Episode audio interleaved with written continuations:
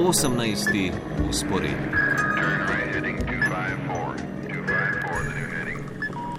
Selimo se v nemško prestolnico Berlin. Polona Fjauž, dober dan. Ja, lepo zdrav iz Berlina. Uh, v Berlinu, sodeč po vremenskih podatkih, še nimate take pomladi, kot se zdaj par dni kaže pri nas, ampak vendarle uh, so temperature za konec februarja m, zelo visoke. Kaj to, če kaj pomeni za družabno življenje, uh, seveda v kombinaciji s preprečitvenimi epidemiološkimi ukrepi? Ja, no, v Nemčiji je še zmeraj vse zaprto, razen pač šol, ki so se odprle, ampak drugače tudi trgovine, restauracije, bari, vse to ostaja zaprto. Ampak seveda, ja, to spomladanske temperature, predvsem prejšnji konec tedna, so bile tudi tukaj. Uh, okrog 18 stopinj, so na plano privabile številne ljudi, eh, tako da so bili tudi tukaj te turistične točke, parki, okolica jezera je bilo polno eh, ljudi. Tako da zdaj eh, v zadnjem tednu je število okužb znova začelo rahlo naraščati, kar seveda spet zbuja skrb in zato so zdaj nekatera mesta uvedla v naslednjih dneh, da je ponekod tudi v parkih um, kjer se zbira pač več ljudi, eh, da so znova tudi na prostem, ponekod obvezne maske. Tukaj v Berlinu sicer eh, ni tega, tukaj je incidenca eh, okužb nekoliko manjša, tako da ja, težko se čaka na to odpiranje. Zdaj nemška vlada skupaj z inštitutom Robert Koch pripravlja strategijo tega odpiranja, pripravili jo bodo v sredo in to strategijo bodo zdaj uprli na več faktorjev, ne več le na število okužb. Danes je na tiskovni konferenci minister za zdravje eh, Špan povedal, da zaznavajo sproščanje na intenzivnih oddelkih z izjemo dveh dežel, da se okuži bistveno manj ljudi nad starejših od 80 let, to so tudi vidni učinki cepljenja in da torej ne bodo to odpiranje odvisno le od števila okužb, ampak tudi od tega reprodukcijskega faktorja, torej koliko ljudi okuži koliko drugih ljudi in pa tudi zasedenost na, um, na, uh, v bolnišnicah, ki se sprošča, tako da tudi kancerka Merklova je nakazala nekakšno naklonjenost temu, da je potrebna perspektiva odpiranja, tudi zato, ker podpora ukrepom se manjša, tudi toplo vreme nekako ljudi spodbuja k več. Uh, večjemu družabnemu življenju in zato pravijo, da ljudje zdaj potrebujejo jasno perspektivo, kaj se bo odpiralo, kdaj, kakšni faktori bodo ob tem upoštevani in kot rečeno, to bodo dobili eh, torej v sredo. Ta teden so se, kot si omenila v Nemčiji, prvič po 15. decembru odprle šole, ampak ne povsod. Eh, vmes so bili sicer eh, če tudi trije tedni počitnic. No, pod kakšnimi pogoji in omejitvami so odprli šole v Nemčiji? Čeprav vemo, ponekod sicer pouk še vedno poteka nadaljavane. Ja, tako je. No, po teh po osmih tednih katerih, kot si dejal, so bili trije tedni počitnic, tako da je izpad pouka nekako za osnovne šole pet tedenski, so odprli le najniže razrede osnovnih šol, pa še to, kot si dejal, zelo previdno in zelo počasi. V desetih zvezdnih deželah od šestnajstih so jih odprli, dežela, da nimo spodnja Saška, je šla povsem po svoji poti in je osnovne šole odprla že januarja, prepolovljenimi razredi vsak drug dan torej izvajajo pouk in ne poročajo o drugačnem poteku števila okužb kot drugot v Nemčiji. Tako da osnovne šole v Nemčiji so od prvega do četrtega ali od prvega do šestega razreda. Tako da so se po večini zdaj odprle šole od prvega do četrtega razreda in tam, kjer je število okužb nižje, so šole odprli v običajni obliki, torej v polnih razredih ob upoštevanju vseh ukrepov, kjer pa je število okužb više, Eh, to je tudi v Berlinu, kjer so odprli šole zdaj le od prvega do tretjega razreda, pa so le polovični razredi. Zdaj eh, moramo vedeti, da povsod osnovne šole vse čas nudijo nujno varstvo. Torej, če eden od staršev zaposlen v, za sistem uh, pomembnih poklicih, to smo tudi novinari, da nimo, in pa za zaključne letnike uh, gimnazij in srednjih šol, ki imajo uh, maturo. Torej, oni imajo, oni imajo pouk vse čas, ponekod ne vem, v avlah, se je za nje pa vsot mogoče zagotoviti razdalje, ker jih je tako malo in upoštevati vsa higijenska uh, pravila. Maturantje so izgubili najmanj od vseh učencev, kajti cilj je, da se dobro pripravijo na maturo. Drugod, kot si omenil, šole ja ostajajo zaprte, da nima v Hamburgu pouk povsod, če vedno poteka nadaljavo, predvsem zato, ker imajo ta teden počitnice in šol niso želeli odpirati le za en teden, tako da se odpro prihodni teden, ampak eh, številni otroci ja so se torej po osmih tednih tukaj uh, vrnili v šole. V ponedeljek sem obiskala eno od osnovnih šol, veliko veselje um, je bilo zaznati med otroki, tudi med uh, učitelji, ravnateljice, bila zelo srečna, da je spet slišati otroški živ žal iz. Eh, iz šole. Otroci so rekli, da je doma stresno, starši so raje molčali o, o tem. No. Sem pa govorila tudi z učiteljem prvega in drugega razreda osnovne šole. Tukaj v Berlinu so učenci po večini v prvih in drugih razredih skupaj na veliko šolah. Nilsom Majerjem mi je pa opisal, kako so otroci doživeli ta povratek v šole, pa poslušajmo, kaj je povedal. Sie brauchen ein bisschen Zeit, um sich wieder in den Alltag einzufinden, in die Struktur. Potrebujejo nekaj časa, da se znajdejo spet v vsakdanu, v strukturi razreda, pravilih, da se morajo javljati in take reči. Sicer pa imamo vtis, da so otroci zelo veseli. Nekateri so se pritoževali, da morajo zdaj spet zgodaj vstati, niso navajeni, drugim pa je super, da se spet dogaja. Bili so zelo veseli, da imajo spet svoje naloge. Za manjše otroke je zelo pomembno, da so v šolah, ne zato, ker bi se več naučili, to ne verjamem, ampak za socializacijo, da vidijo prijatelje, da imajo svojo strukturo, svoje naloge, to je za nje dobro. Starši se trudijo, a morajo delati, nimajo časa, zelo veliko stresa je. Tudi pri meni doma z dvema otrokoma veliko časa gre. Za otroke pa je pomembno, da imajo svoje delo, svoje naloge. Imajo radi, da so samostojni in da sami naredijo naloge, da niso doma vse čas nadzirani. Das, das lieben die auch, dass sie selbstständig sind und selber das machen und eben nicht zu Hause immer überwacht werden. Polona, kako pa je uh, s testiranji v šolah? Uh, se morajo tudi nemški učitelji tedensko testirati in uh, kakšna higijenska pravila veljajo v razredih? Ne, tukaj testiranje ni obvezno, je prostovoljno. Tako je, da so šole po večini dobile hitre teste, a šele ta teden. Tako da je vsaka šola nekako določila eno ali dve osebi, odvisno pač od tega, koliko, eh, kakšno število osebja imajo, ki se je ali ki sta se izšolali preko video in navodil, kako se testira. In zdaj ti, te osebe.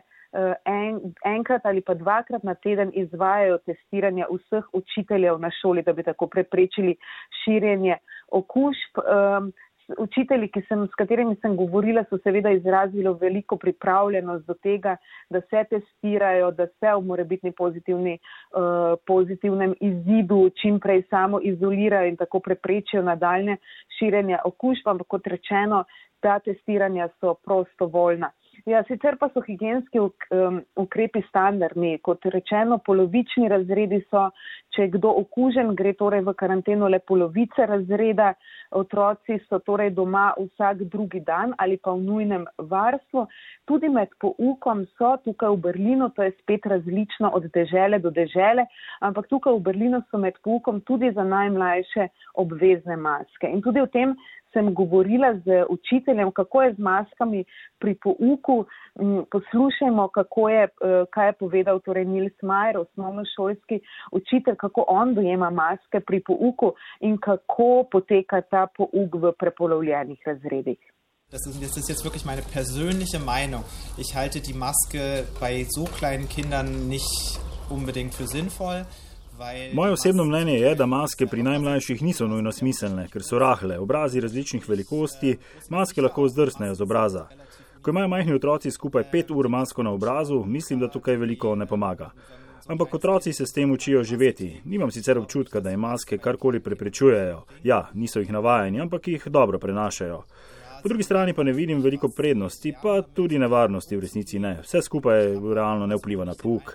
Kar je neprijetno, je morda to, da ne vidim tiste prave, iskrene otroške mimike, ali se smejijo, jočejo. Sicer pa je to, da delamo v manjših skupinah olajšanje. Več časa imamo za posamezne otroke kot prej in to je v resnici zelo lepo. Tudi za učitelje je to veliko boljše, večkrat se lahko oglasijo, razvijajo interakcije. Razdelitev skupine deluje, ampak velik problem niso te izmenjajoče se A in B skupine. Tukaj imajo vsi enak pouk, dobijo enako snov. Problem je tem, da prisotnost pri pouku ni obvezna in nekateri otroci sploh ne pridajo v šolo, torej delajo doma in tudi za tre je potrebno poskrbeti in poslati naloge. Vendar njih ne vidim, ne morem jim dati istega materijala kot otrokom v šoli, saj video pouk ne poteka. Težko je izpeljati tri skupine, torej ne le A in B, ampak tudi tiste, ki se poučujejo od doma. To je velik problem, kajti otroci sprejemajo drugačno snov. Video počovanja torej v tem trenutku ne moremo izvesti in ti otroci, ki ne pridajo, so največji problem. Njih veliko, a že eden manjkajoči je dovolj. Also die Kinder, die gar nicht kommen, das ist eigentlich das größere Problem. Es sind weniger, aber ein einziges Kind reicht. Dotakniva se še cepljenja. E, to tudi v Nemčiji poteka počasneje, kot so si zamislili. Dobra 2,4 odstotka prebivalstva je cepljenega dvakrat, e, še dodatnega 4 e, odstotke Nemcev enkrat. Cepiva je premalo. Po drugi strani pa slišimo, da ostaja neporabljeno. Koliko je tega in kako sploh, da je tako? Ja, tako je. Zdaj, po zadnjih raziskavah se ne želi cepiti tukaj tretjina ljudi in zdaj na veliko zavračajo predtem, predvsem to britansko-švedsko cepivo AstraZeneca. Um, imajo ga dovolj, ampak doslej je bilo porabljenega le 15 odstotkov tega že dostavljenega cepiva, kar pomeni, da ga kar 85 odstotkov ostaja. In tudi zato so se odločili, da bodo zdaj Torej, po večini so že cepili prvo prednostno skupino, to so starejši od 80 let, prebivalci v domovih za ostarele, negovalci, zdravstveno osebje, ki je v neposrednem stiku eh, z morebitnimi okuženimi z virusom, ampak zdaj so v drugo skupino, kamor sodijo tudi policisti, ostalo zdravstveno osebje, predstavili tudi učitelje in vzgojitelje. In to so zdaj pred dvema dnevoma začeli usporedno cepiti tole, torej prvo skupino najbolj tvegano, uh, zato ker uh, pač cepivo AstraZeneca je odobreno za mlajše od 65. leta in zato ker ostaja, uh, želijo pospešeno torej to uh, drugo skupino čim bolj razširiti, zato da bi um, ponudbe, ki jih mnogi zavračajo, da ne ostanejo potem ti termini prazni. Tukaj, da nimo v Berlinu, so pač uh, ti cepilni centri razdeljeni po cepivih in da nimo na teglu, kjer cepijo le.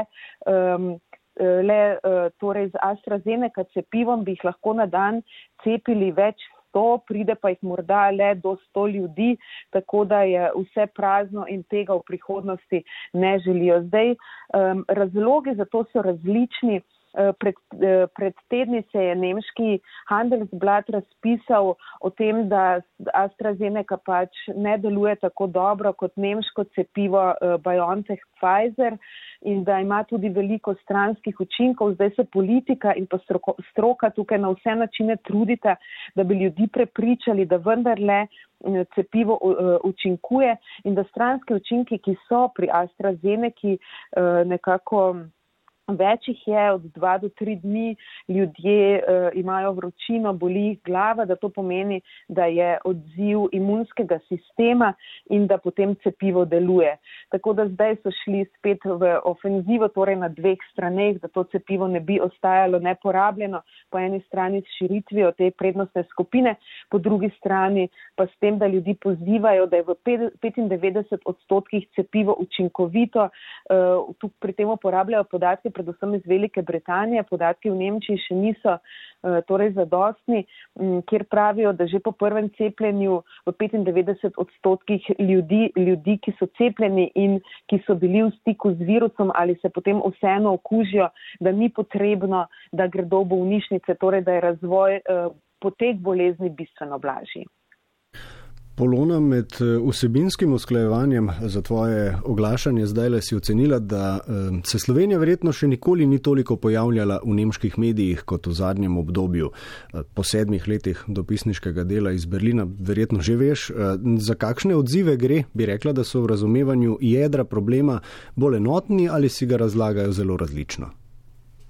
Ja, zdaj, eh, kar se tiče omenjanja Slovenije, vemo vsi, da smo ponosni, ko se piše o nas, ponavadi se piše o uspehih. Športnikov, pa poroča pa, ne vem, Ana Roš, turizem, prelepa pokrajina, eh, zadnji prispevki na javni televiziji so vabili ljudi v Slovenijo, na Bled, v Sočo, pač kazali so te lepote pokrajine.